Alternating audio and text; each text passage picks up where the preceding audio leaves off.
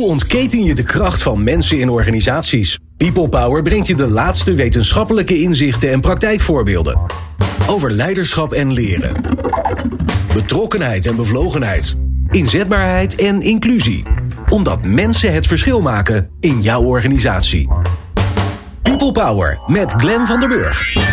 Het is weer tijd voor eh, de tweede aflevering van People Power Hot Topic. En wij behandelen elke maand een brandend thema binnen organisaties. Drie eigenwijze experts geven ongezouten hun mening over de verraderlijke valkuilen, de verkeerde vooroordelen en ondubbelzinnige oplossingen.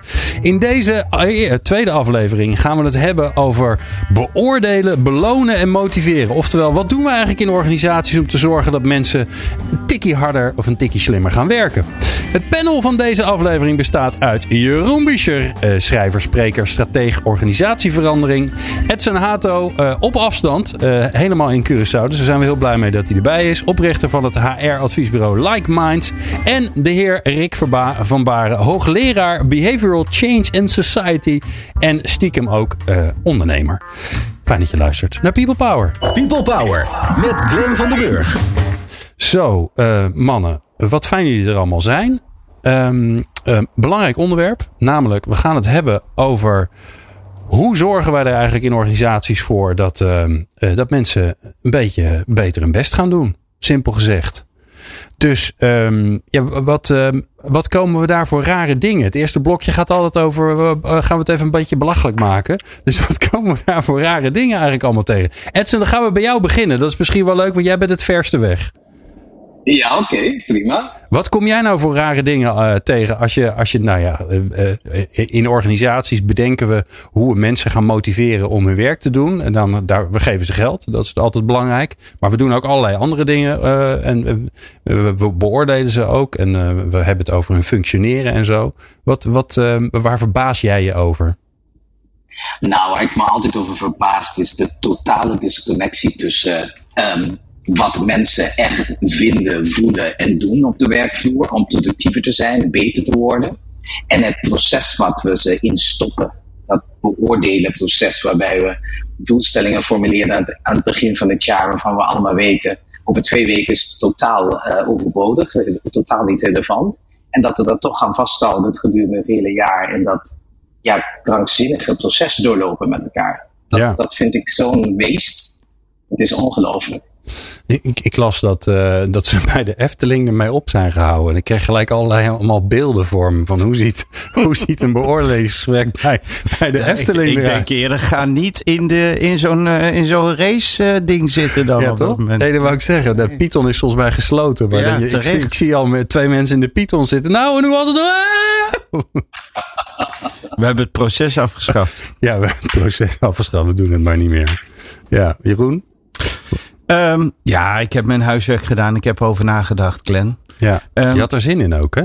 Uh, zeker altijd. Nou, in dat praten altijd. Maar ik vind het juist leuk als ik met een onderwerp geen affiniteit heb. Wat ik ruiterlijk toegeef dat ik met dit onderwerp een nul affiniteit voel. En dat maakt het natuurlijk weer heel interessant.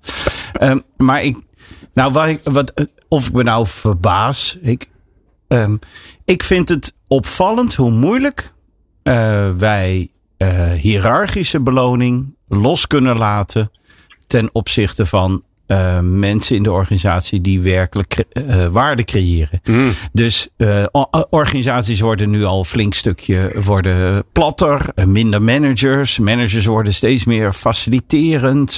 de professional aan de macht, zelforganisatie, zelfsturing, ik weet niet wat.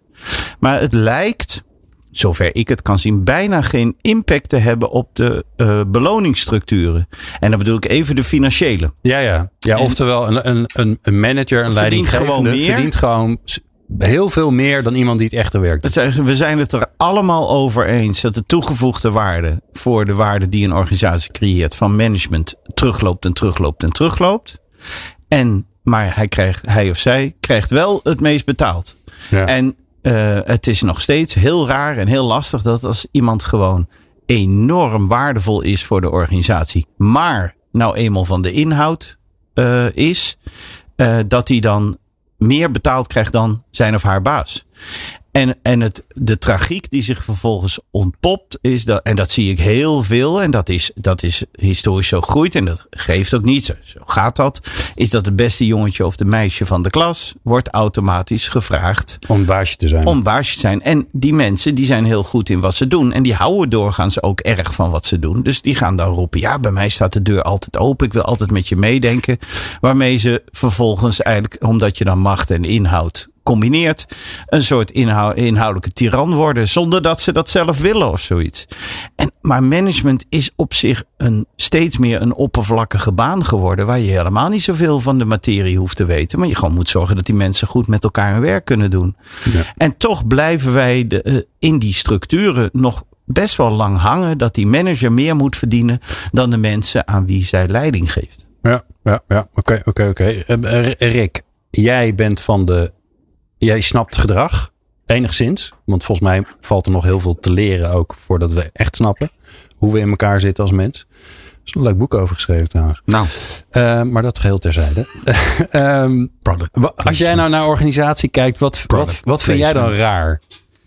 ja, aan, vind- hoe, aan, hoe, aan hoe wij bezig zijn met het motiveren van mensen om de juiste dingen te doen. En misschien een beetje meer van de juiste dingen te doen.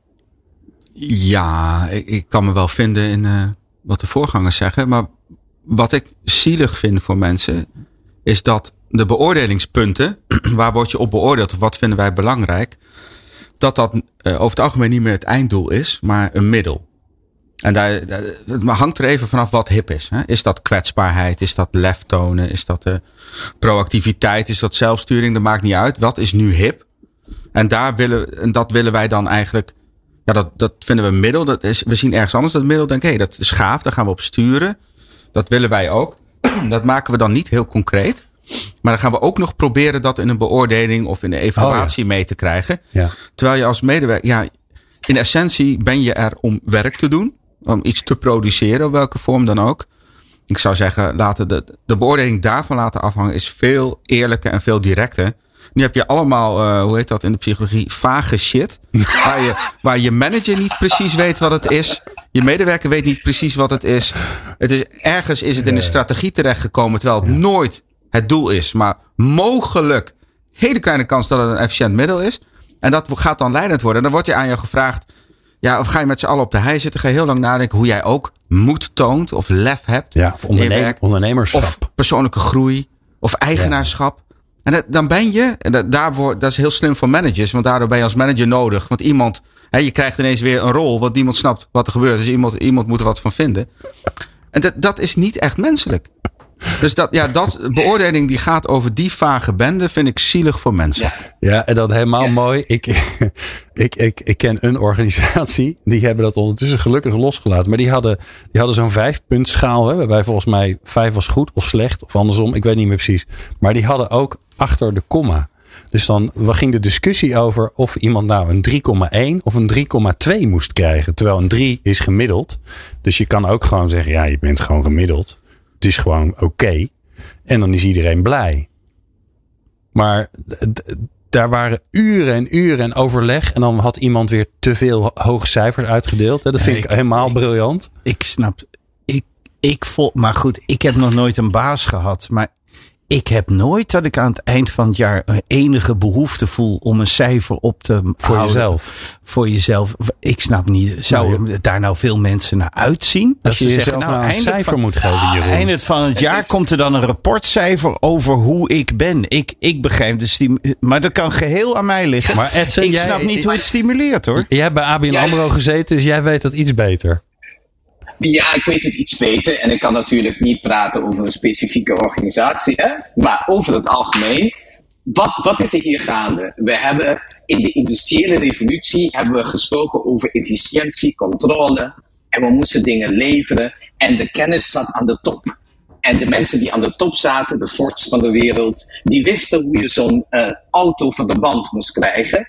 En die hebben dat zo ingericht dat ze het efficiënt konden doen en dat mensen eigenlijk hun gedrag en hun manier van werken aanpasten naar wat de baas van ze vonden. Nou, dat hele beoordelen, eh, be- beoordelen, beoor- belonen en motiveren is eigenlijk daarop gestoeld op een soort simplificatieproces. We gaan iedereen efficiënt aansturen qua gedrag en, en, en wat ze moeten leveren. En aan het einde van het jaar gaan we ze een rapportcijfer geven.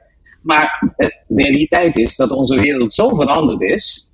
Organisaties zijn wat de samenleving verwacht van organisaties is veranderd. Terwijl organisaties gewoon nog steeds op dat oude, hiërarchische, ja, niet, niet uh, moderne manier zijn georganiseerd. Waardoor dit een absolute ja, gedrocht wordt. Um, dat gewoon niet werkt. Nee. Maar je ziet er wel steeds meer dat het langzaamaan een beetje, afges nou ja, een beetje afgeschaft wordt. Ja. Ik ben wel benieuwd, Edson. Denk jij dat het in de. Want ik ben het mee eens dat we niet meer in het industriële tijdperk zitten. En dat die manier van organiseren ook niet meer werkt. Denk jij dat het wel enig nut had in het industriële tijdperk? Ja, dat is een hele goede vraag. Als ik, als ik kijk naar controle en macht. Hè, en als we kijken naar wat Milton Friedman is, een bekende econoom, die zei: eigenlijk de manager is er om degene die kapitaal in de organisatie stopt, uh, om, om, om zijn of haar uh, belangen te vertegenwoordigen. Dus dat is gewoon geld verdienen. Um, um, en toen de tijd was dit proces een soort onderhandeling met de medewerker als jij doet wat ik wil en je gedraagt je zoals ik wil, dan staat dat tegenover salaris. En, en, en hoe beter je dat doet, hoe meer salaris je krijgt. En hoe meer jij past in wat wij qua denkbeelden hebben, hoe meer je stijgt in de organisatie en hoe machtiger je wordt. Dus die eenheidsworst aan de top, dat is gewoon gecreëerd omdat we het allemaal hebben afgekocht met, um, met uh, beoordelen, belonen en, en motiveren. Mm. En, en wat je ziet is dat dat ook heeft geleid tot ja, uitwassen, zoals ik het noem.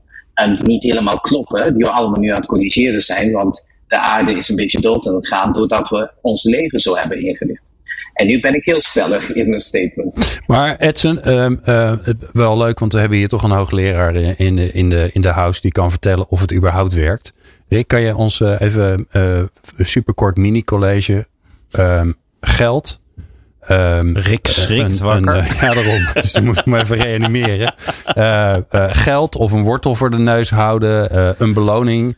Motiveert dat mensen? Ja, joh. Mooi. Ja, dat, dat is ook zo mooi. Hè? Dat, we dat, dat we dat bijna vergeten of, of goor vinden. Ja, maar een beloning is wel iets anders dan een beoordeling natuurlijk. Hè? Ja, maar dus ja. aan de aan beoordeling maar het ook geld en niet over je, beloning. Ja, dan krijg je 4%, 4 ja. in plaats van 2 erbij. Als je goed beoordeeld wordt. Ja, tuurlijk. Ja, natuurlijk is uh, geld, uh, belonen en straffen blijven natuurlijk de krachtigste gedragsturende elementen die er zijn. Daardoor zijn ze saai en hebben het er niet over, maar het zijn wel de, de allersterkste, vanuit de evolutie gezien ook, de alleroudste en de allerbelangrijkste. Dus dat, dat is, natuurlijk is dat zo. En uh, het, dat speelt zich ook af in sociale vergelijking. Hè? Dus dat moet je ook meenemen. Het is altijd het is niet okay. beloning aan zich, het is altijd een beloning. Krijg ik meer dan die collega waarvan tot. ik denk, die loopt de kantjes Ja, dat, dat, is, dat is waar men het uiteindelijk uh, tegen toetst. Van, is dit eerlijk, is het rechtvaardig of niet? He, want je, je, hebt, je hebt aardig wat voorbeelden ook in de psychologie... Dat, dat je tevreden bent met minder beloning... als dat meer is dan een ander krijgt. En dat je meer beloning afslaat... als dat minder is dan een ander krijgt. Ja. Ja, dus dat, dat, dat is wel belangrijk hier. Maar natuurlijk, dat, dat, dat is de kern... En dus, dus eigenlijk zeg je, af. beloning is relatief. Ja, het überhaupt. Is, ja, dus ja de waarde van beloning ja, is ja, dus niet absoluut. De, dus de, de, uh, uh, ik sla 1100 euro af omdat Jeroen 1200 krijgt en ik wel duidelijk beter ben dan hij. Maar ik zou tegen 500 euro ja zeggen, zolang hij maar 400 krijgt. Nou ja, jij, jij hebt enerzijds waar ga je mee akkoord. Anderzijds is hoe voelt het. Het eerste is natuurlijk hoe voelt het. Ja. Ben ik er blij mee? Motiveert het me? Dat, dat is één. En twee is of je het ook echt aanneemt. Hè? Of, je, of je er ook gedrag aan en, en waar ik dan wel geïnteresseerd in ben, is de, precies dat. Want kijk, ik krijg, uh, je krijgt elke maand uh, x, x 100, uh, x duizend gestort. Ik denk niet dat mensen steeds elke keer aan het begin van de maand denken: kijk, daar is de reden waarom ik mijn werk doe. Ik, het, het, het, ik, ik vind het altijd moeilijk om me voor te stellen. Eh, eh, een beloning stimuleert. Daar ben ik mee eens. Straf ontmoedigt. Daar ben ik ook mee eens.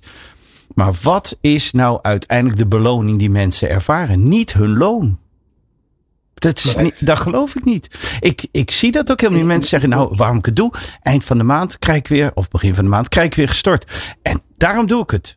Daarom doen ze het helemaal niet. Ze doen het inderdaad om zich te onderscheiden van anderen. Of, of, of het gevoel te hebben dat ze aan iets bouwen of zo. Dat is de Ah, beloning, maar niet je- hun inkomen. Ik denk als je, als je de gemiddelde mens zegt, eh, joh, weet je, ehm, je krijgt nu geen salaris meer, blijf je hier werken. Dat ze zeggen, nou, dat dacht ik niet. Je krijgt geen salaris, maar wel heel veel liefde. Maar volgens mij is het probleem dat dat salaris is een soort gegeven. Daar ben je aan gewend. Ja, maar dat zou dan betekenen, dat zou dan, de gevolg daarvan zou moeten zijn, op het moment dat je geen salaris, als je geen fysieke beloning krijgt, dan zou, dan zou in die logica mensen dus onmiddellijk stoppen met elke activiteit op het moment dat ze geen financiële beloning krijgen. Nou, ik denk dat je om je heen kan kijken en dat dat niet waar is. Nee, want er is heel veel vreugde. Ja, maar dat zijn losse dingen natuurlijk. Je, je, je hebt werk, dat, dat is in essentie, hebben we met z'n allen afgesproken, dat is ruil. Jij Ja. doet iets, ik betaal jou. Dat, Ja. dat is heel simpel. En je hebt natuurlijk dingen die intrinsiek belonend zijn. En je bent heel blij als je dat op je werk kan combineren. Ja, maar zijn wij niet op een eh, rijkdomniveau dat op dit moment, het, eh, als vragen, eh, dat in organisaties uiteindelijk primair de intrinsieke beloning voor mensen uiteindelijk belangrijker is. En dat is status, erkenning, het gevoel hebben dat ze, ze zichzelf ontplooien. staats en erkenning zijn extrinsieke motivatoren. En net als geld. Ja. Zeg maar. De staats en erkenning en geld is extrinsiek. Dus intrinsiek zou echt zijn omdat ik dit leuk vind. Ja. Ik denk dat een van de problemen is dat mensen zoveel druk op hun werk leggen. Dat het ook heel leuk moet zijn. Kijk, je weet, vroeger was het aan de, je werkte aan de lopende band. Was het mooi als het, als het een beetje leuk was. Maar je had in ieder geval, daarna had je de duivensportvereniging. Deed je nog wat in de buurt. Was je blij met je gezin. Ja. Kijk, hoeveel focus, hoeveel wil je uit dat werk halen? Op het moment dat je dat doet, leg je er ook heel veel druk op. En dan moet het ook gaaf zijn en ik moet me ontwikkelen. Dat is een keuze. Het is niet een gegeven. Het is een keuze. Dan kun je over nadenken, oké, ga ik al mijn eieren in het werkmandje leggen? Of doe ik een soort deal? Ik vind het oké, ik, wil leuke collega's hebben, ik wil een redelijk, redelijk bedrag hebben. Maar ik ga er niet op focussen dat, dit, ik, dat ik mijn werk ben. Dus dat zijn afwegingen die mensen moeten maken erin. En als jij puur voor intr- intrinsiek in je werk zit, ben je ook kwetsbaar. Ben je ook kwetsbaar dat je teleurgesteld raakt, dat je gedemotiveerd raakt, gefrustreerd, burn-out, dat soort zaken. Kan.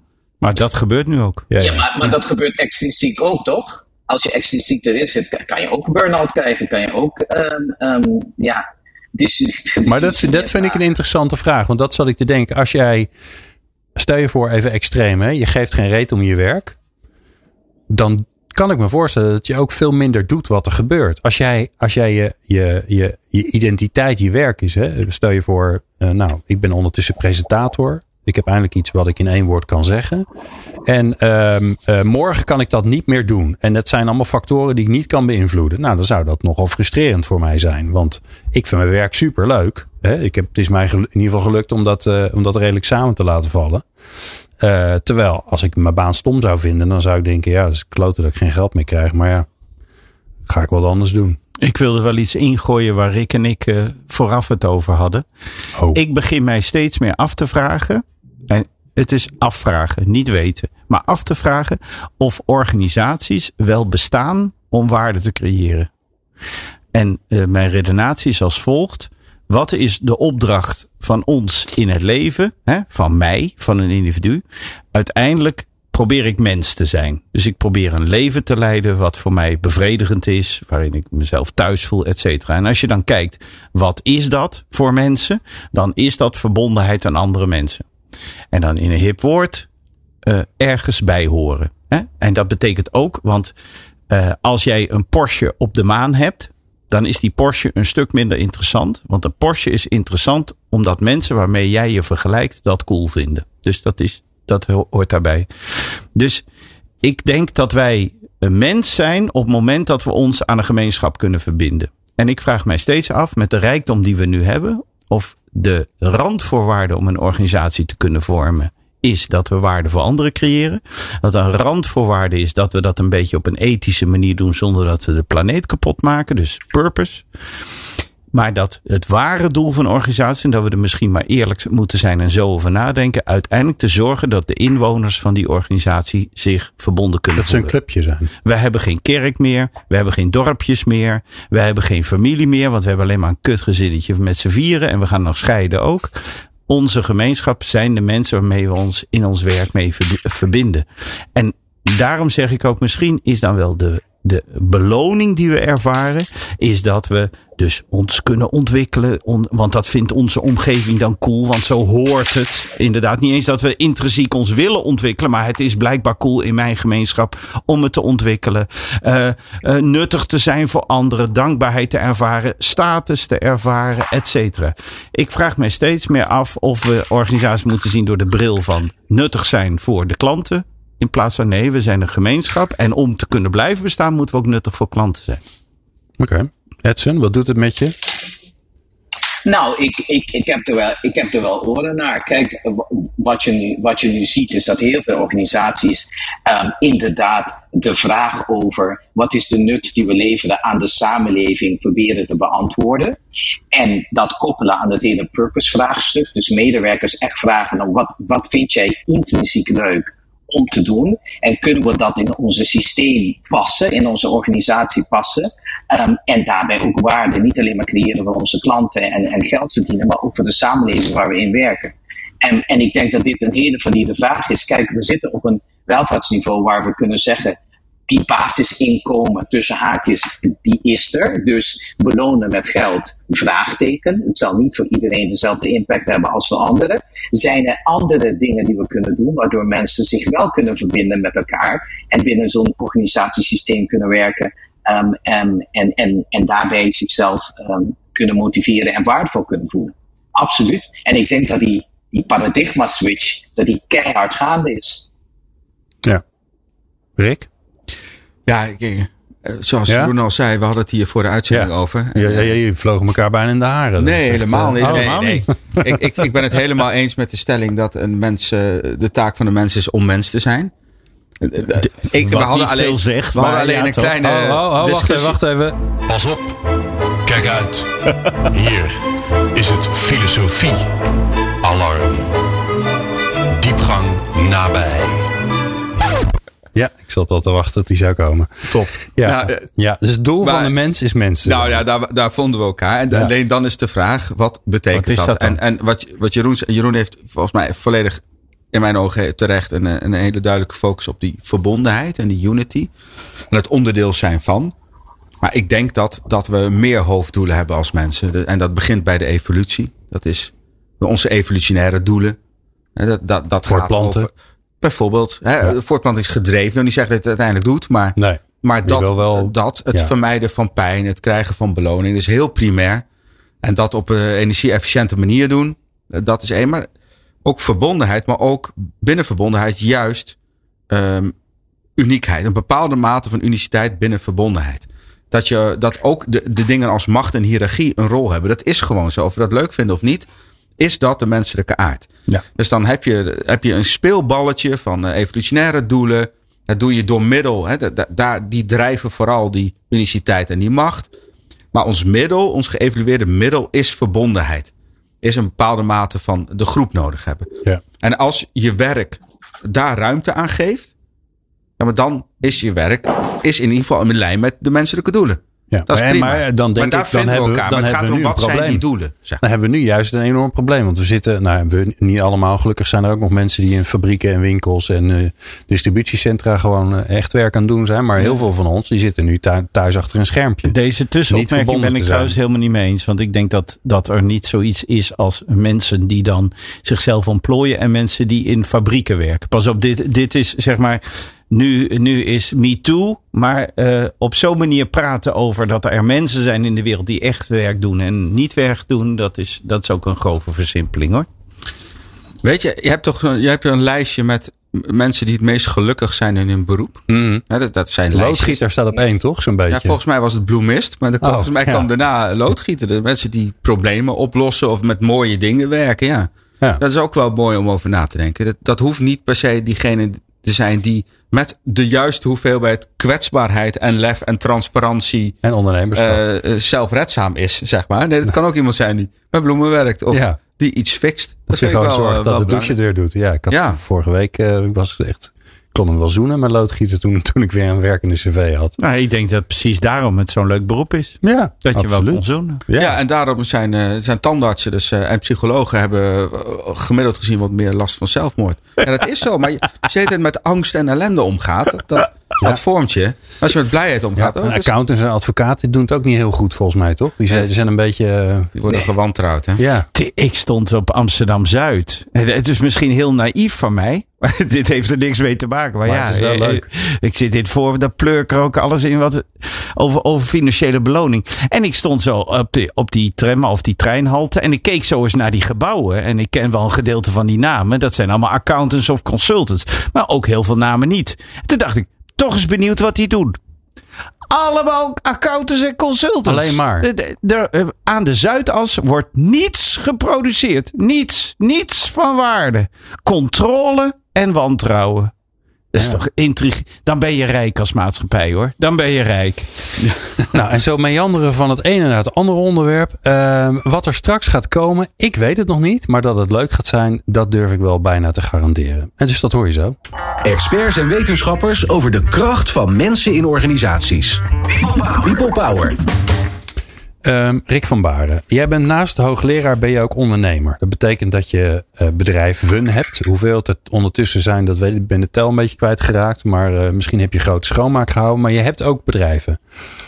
Wat doe jij nou in jouw eigen bedrijven om ervoor te zorgen dat mensen ehm, gemotiveerd worden, zijn. Dus je, je, je ze daarbij helpt. Ja, Ja, we hebben, ja, ik heb in totaal 70 man eh, lopen. Ik ken dit, eh, dit idee, ik ken het probleem. En het, eh, ja, ik heb een HR-manager. oh jee. Ja, ja, maar voor mij, ja, ik ben echt van Het de, in zicht. ik ben echt Rick. van de oude school, zeg maar. Voor mij is het genoeg geld Ja, en heel veel leuke sociale dingen. Zeg maar, mensen die bij mij werken, die zijn over het algemeen eind 20 tot midden eind 30. En ik merk dat, eh, dat, dat als we eh, leuke dingen doen samen, dat, het- het is leuk, gezellig op het werk, dat het heel belangrijk is. Dat veel, veel ruimte voor kletsen, samen een bakkie doen. Of, ja, lekker bij elkaar zitten. Dat, ja, en een paar keer per jaar iets leuks. Ja. Borreltjes, ja, eh, we hebben vrijdagmiddagborrel hebben we in een van onze kantoren. Daar zit een gewelf onder. Dat is hartstikke. Ik, ik merk gewoon, dat is gewoon heel belangrijk. En je moet goed betalen. En dan uiteindelijk, natuurlijk hebben wij een heel systeem. Ook voor beoordeling en hoe je door kan groeien. Maar dat, daar, dat, dat snap ik zelf niet helemaal zo goed, zeg maar. Ik, ik heb dat niet. Ik weet dat het goed is. Er wordt echt wel hard is je eigen werk. Maar het, voor mij voelt het altijd anders. Ik ben gewoon simpeler daarin. Ik denk, dat we maken dingen heel complex. Ja, maar jij doet dat niet voor niks. Die, die saamhorigheid creëren, dat we bij elkaar willen horen. Daar zit natuurlijk een, een gedachte achter. Precies. Ja, want ik kan me ook nog herinneren, wanneer vond ik school leuk, wanneer niet. Wanneer vond ik de werk aan de universiteit leuk, wanneer niet. Wat zijn daar ingrediënten in? En dat gaat mij toch minder. Ja, je ziet daar patronen. Je ziet als, als er een positieve sociale sfeer is in een organisatie. En dat is helemaal in de Jeroenhoek, denk ik. Ja, dat trekt aan. Dan zijn mensen blij, voelen zich goed. Dus eh, ja, Ze hebben elkaar gevonden hoor. Ik ga snel naar Edson voordat Jeroen gaat praten. Nee, Ed- hoor. eh, ja, ik zet gewoon je microfoon ook gewoon dicht. Nou, ik heb macht over jou. Eh, Edson, ehm, wo- wordt hier genoeg aan gedaan? Aan dat, want het, is, het klinkt zo simpel. Zorg dat mensen het leuk met elkaar hebben. Dat ze elkaar naast dat ze het over de zakelijke dingen hebben. Dat ze ook gewoon kunnen kletsen over het leven. En, eh, en dat niet alleen maar in een kantoor kunnen doen, maar ook eens in de kroeg.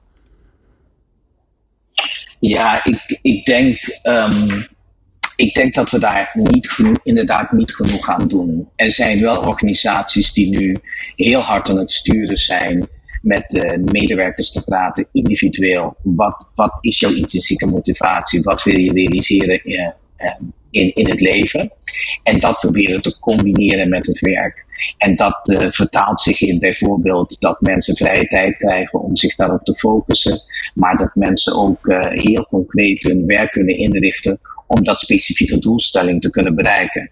Maar ik denk waar de grote clash zit, is in het feit dat we nog steeds vanuit een winstmaximalisatieperspectief naar werk kijken en naar organisaties kijken. En zolang dat uh, het dominante uh, idee is erachter, zullen we er nooit echt uh, uitkomen. Ja. Organisaties moeten de switch gaan maken naar en we kunnen waarde creëren in meer aspecten dan alleen maar geld verdienen. En wat zijn die dan?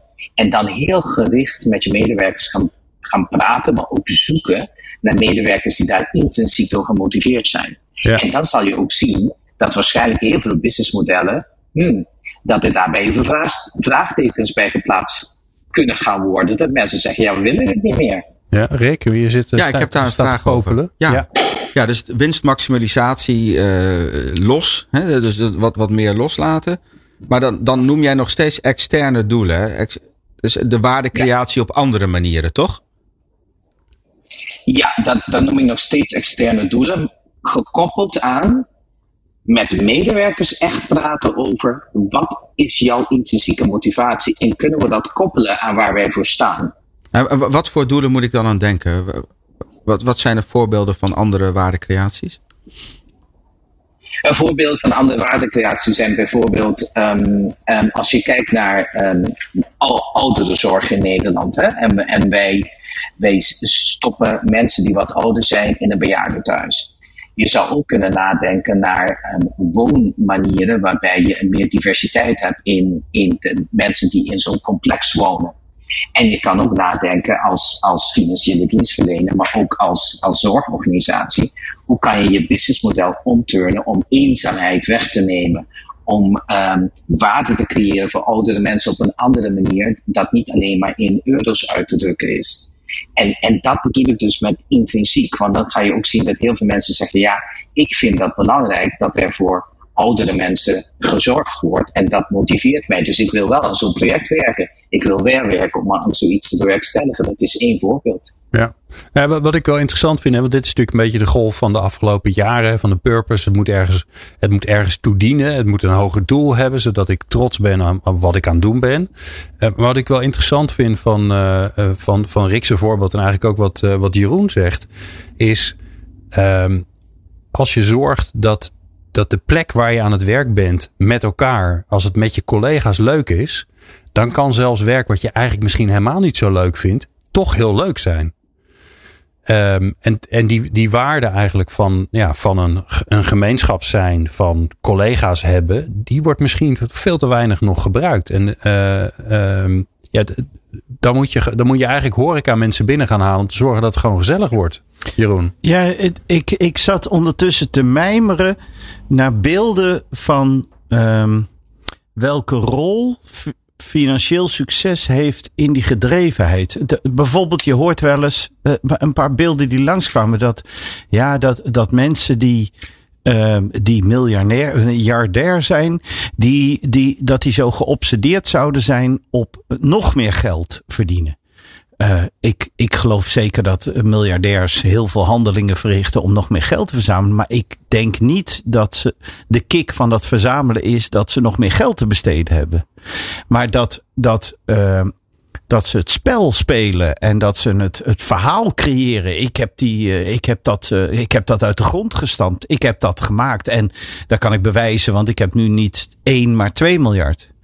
En ik moest denken aan het verhaal dat. Um, ik heb, eh, ik heb een bedrijf gehad. En op een gegeven moment kwam een of ander slecht idee. Maar ons, de, toen ik dat bedrijf begon, hadden we nog geen personeel. Misschien kent de Rick die fase wel. En dan kreeg je een, eh, een opdracht binnen. En dan wist je, dan bracht je een offerte uit en dan had je de opdracht. En dan wist je hoeveel uren je erin stond. Dan wist je hoeveel je weer had. Dus ik had zo'n spreadsheet. En dan kon ik in januari zien hoeveel ik dit jaar had verdiend. En dat zag je dan oplopen. Dat was de idee. En dan op een gegeven moment werd het heel veel. En dat was dan, en dan wist je precies. En dat is zoals ik nu ook wil leven. Ik kan gewoon zien wat ik dit jaar heb verdiend. En op een gegeven moment kwam, kwam de een of andere figuur die over geld gaat. Die zei, nou het is beter dat jullie met een management fee gaan werken. En dan kreeg je elke maand een vast bedrag. En dan bleef er aan het eind, ik heb nooit een BV gehad, maar bleef er dan geld over. Of je kwam geld tekort. Uh, en, dat, en dat kreeg je dan wel of niet uitgekeerd. En ik weet dat toen ik die, die maandelijkse storting kreeg, dat ik het enorm miste, de connectie tussen iets doen en daar dan ook beter voor betaald krijgen. Maar de andere kant heeft het me nooit ook maar een seconde ontmoedigd of dat ik minder mijn best ging doen. Want uiteindelijk weet ik dat, dat ik net zo fanatiek was in wat we bedachten en wat we wilden maken. En de clue daarvan was, we bedachten iets en dan gingen we dat proberen te maken. En dan, dan, dan was je er al in. Dan was je er al in. En de motivatie was niet het doel, maar van, oh, we moeten dat, we moeten dat, uh, dit, uh, oh, we moeten die bellen, of we moeten dit regelen, of we moeten dat doen. Dus de, de motivatie, vraag ik nu, is die wel het doel? Of is die dat de next step? Het volgende dingetje wat geregeld moet Ja, worden. ik blijf het nog steeds super leuk vinden als ik een klusje binnenhaal. Ja, en maar uiteindelijk geniet je van deze volgende vraag stellen. En uiteindelijk is het niet zo dat Oh. je denkt, ik, ik, het, het levert mij niks op, dus ik ga geen volgende vraag stellen. Nee, want dit uur levert mij niks op. Maar, dat vind ik, eh, maar het levert, ik lever me heel veel op, want ik vind het super leuk met jullie. Dus ik word een beetje uitgedaagd over wat, en dat vraag ik misschien wel aan Rick. Wat ervaart een mens nou als beloning? Want misschien moeten we daar iets verder over nadenken. Want dat we roepen, ja, ze doen het voor het geld, is volgens mij niet echt houdbaar. Ze doen het voor de status, volgens mij niet echt houdbaar. Maar waarom doen ze, we het dan wel? En, of is dat gewoon heel banaal de next step? Gewoon, Ja. oh, nu moet dit Oh, nou, oh, als ben ik te Maar laat ik, met mijn e-mail. ik vind het een goede vraag. En ik, ik denk dat het antwoord ehm, eh, vijf en een half jaar duurt. Als je daar alles van wil weten. Maar wij krijgen de anderhalve minuut versie. Dat is Podcast, mooi, hè? Ja, dus dat we hebben tijd zat. Ja, nee, we hebben live radio. Gaat die hele intro van die vraag nu van die anderhalf minuut af? Of, eh? Ja, Oké, dus, dus doe maar een minuutje. Nee, kijk, motivatie is natuurlijk een veelkoppig begrip. Hè. Je hebt eh, variënt van, eh, van A-motivatie, extrinsiek, naar steeds intrinsieker. Dat maakt al uit. Maar de kern van motivatie is dat je beloningssysteem meer wordt geactiveerd dan je zelfcontrolesysteem. Dan ga je iets doen. En dat kan dus echt op, het beloningssysteem kan aangaan op, gaat aan op dingen als geld, op aantrekkelijkheid, dat soort zaken. Maar natuurlijk ook op eh, de, de persoonlijke, mentale. Als je naar je waarde leeft, is dat belonend bijvoorbeeld. Maar het is ook belonend om een succesje te ervaren of om groei te ervaren. Dus je hebt veel, heel veel verschillende dingen zijn belonend. En motivatie is niks anders dan bewegen naar beloning toe. En dat kan ook een tussenstap zijn. Dat kan ook zijn. Complimentje. Ja, compliment. Dat is een hartstikke. Dat, compliment is wel ongelooflijk, omdat hij sociaal is vaak. Die komt van iemand anders. Is dat een eh, hele belangrijke prikkel. Dus het, het is niet, daarin niet heel simpel. Maar elke tussenstap. eh, als, je, als je begint met hardlopen. en het lukt je een keer om een kilometer te lopen. ben je super blij. Ben je gemotiveerd. Ja. Dan, wil je, dan wil je die 1,1 gaan lopen. Dat is een tussenstap van een, van een groter doel. En soms kun je het grotere doel al weg. eh, hoeft helemaal niet in zicht wegdenken. te zijn. Ja, ja, ja. Dus de, motivatie kan op meerdere manieren werken. Dus je, je hebt daar ook nog keuze in. Wat is voor deze persoon op dit, dit moment motiverend? Of voor mij nu. Hoe lang was dat, eh, Glenn? nee, ik vond het heel knap. Ik denk anderhalve minuut. Echt wel minder. Het is half acht. s'avonds. S'avonds. nou ja, en wel, wel grappig natuurlijk dat als je, eh, als je, als je nu kijkt hoe, hoe daar in organisaties mee om wordt gegaan, dan is er wel iemand die zich bezighoudt met het beoordelen, belonen, dat gedoe. Er is een manager die zich bezighoudt met allerlei dingen die rondom motivatie zitten. Er, er is eh, tegenwoordig meestal wel iemand die zich bezighoudt met ja, maar eh, wat, hoe is het met je ontwikkeling? Wat vind je nou belangrijk? En als het een beetje mee zit, is dat diezelfde manager. Maar soms is het ook een, weet ik veel, een coach of een ander type. Maar wie is er nou bezig met.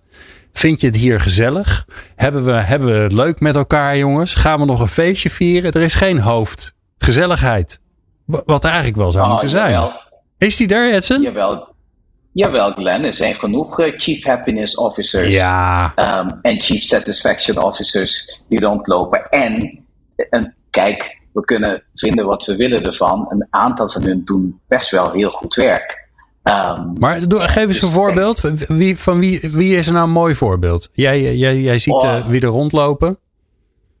ja, maar, maar moet ik hier dus namen gaan noemen? Dan ga Nou ja, het is, nou, je, geeft gelijk iemand een compliment. Dus dat is weer eh, motivatie voor diegene. Ja.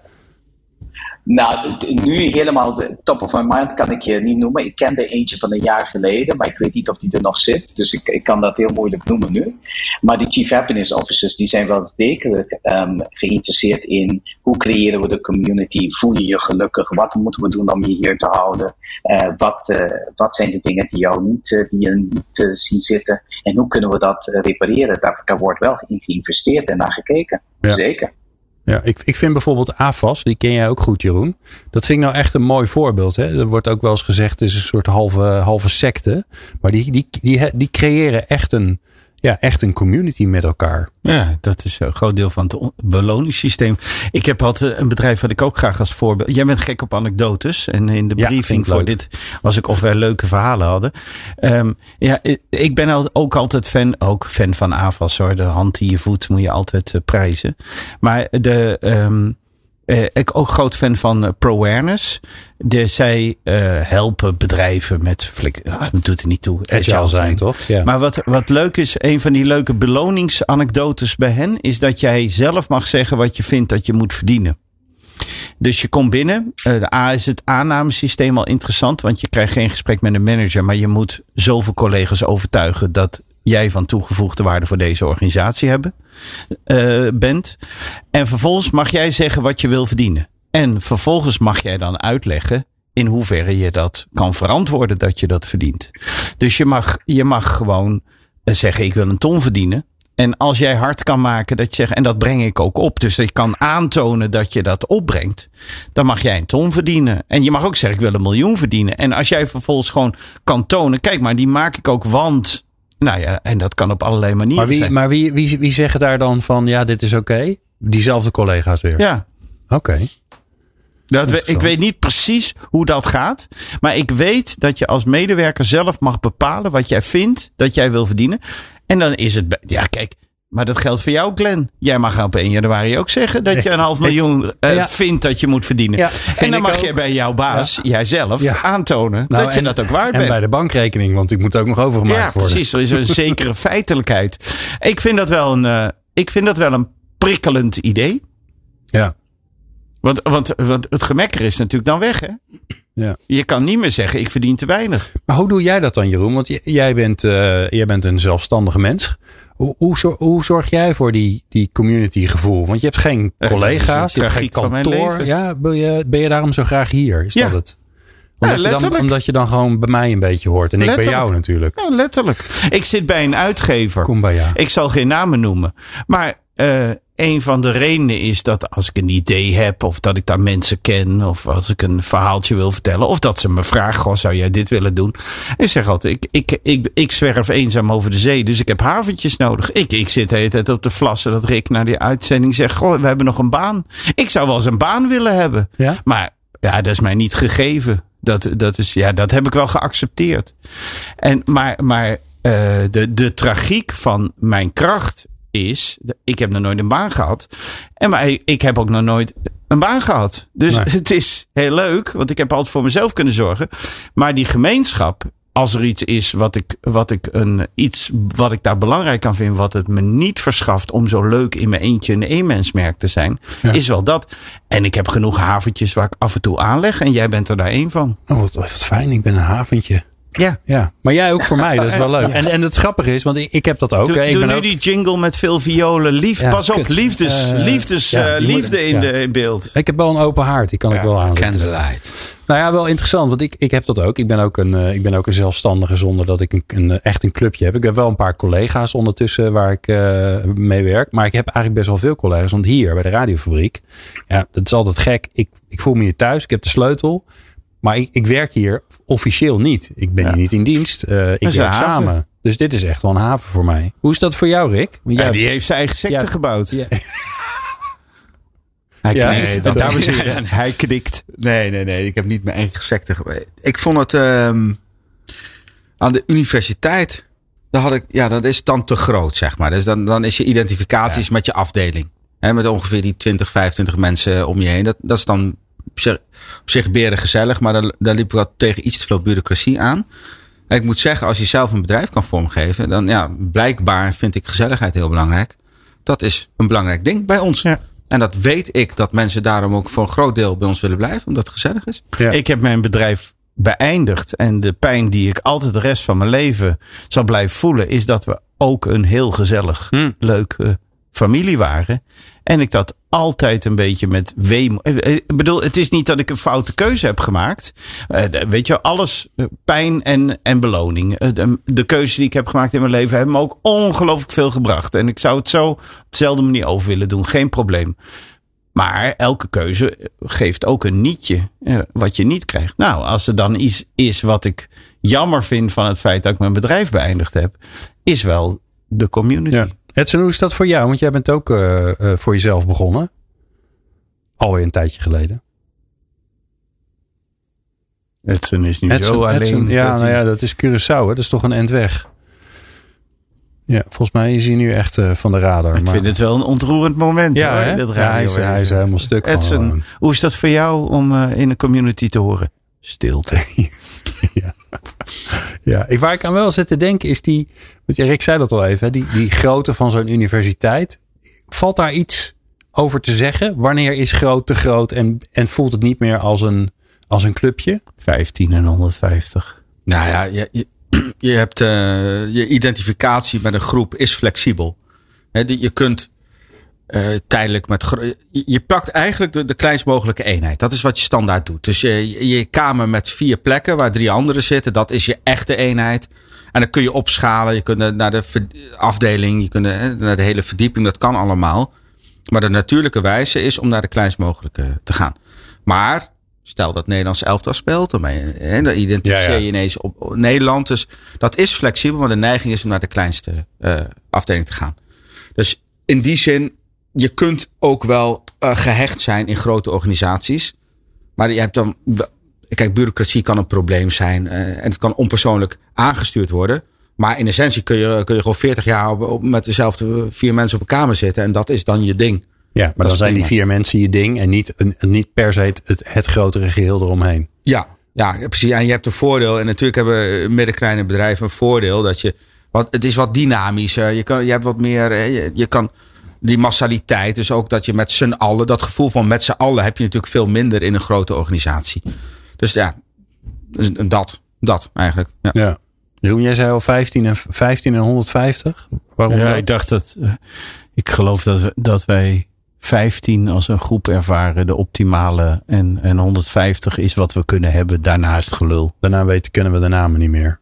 Nee, dan, dan voel je. Dan, dan zeg je wel, wij zijn een groep. Maar dat, is, dat voel je helemaal niet meer zo. Nou, dan heb je heel veel verhaal nodig om, om het wel te voelen. Ja.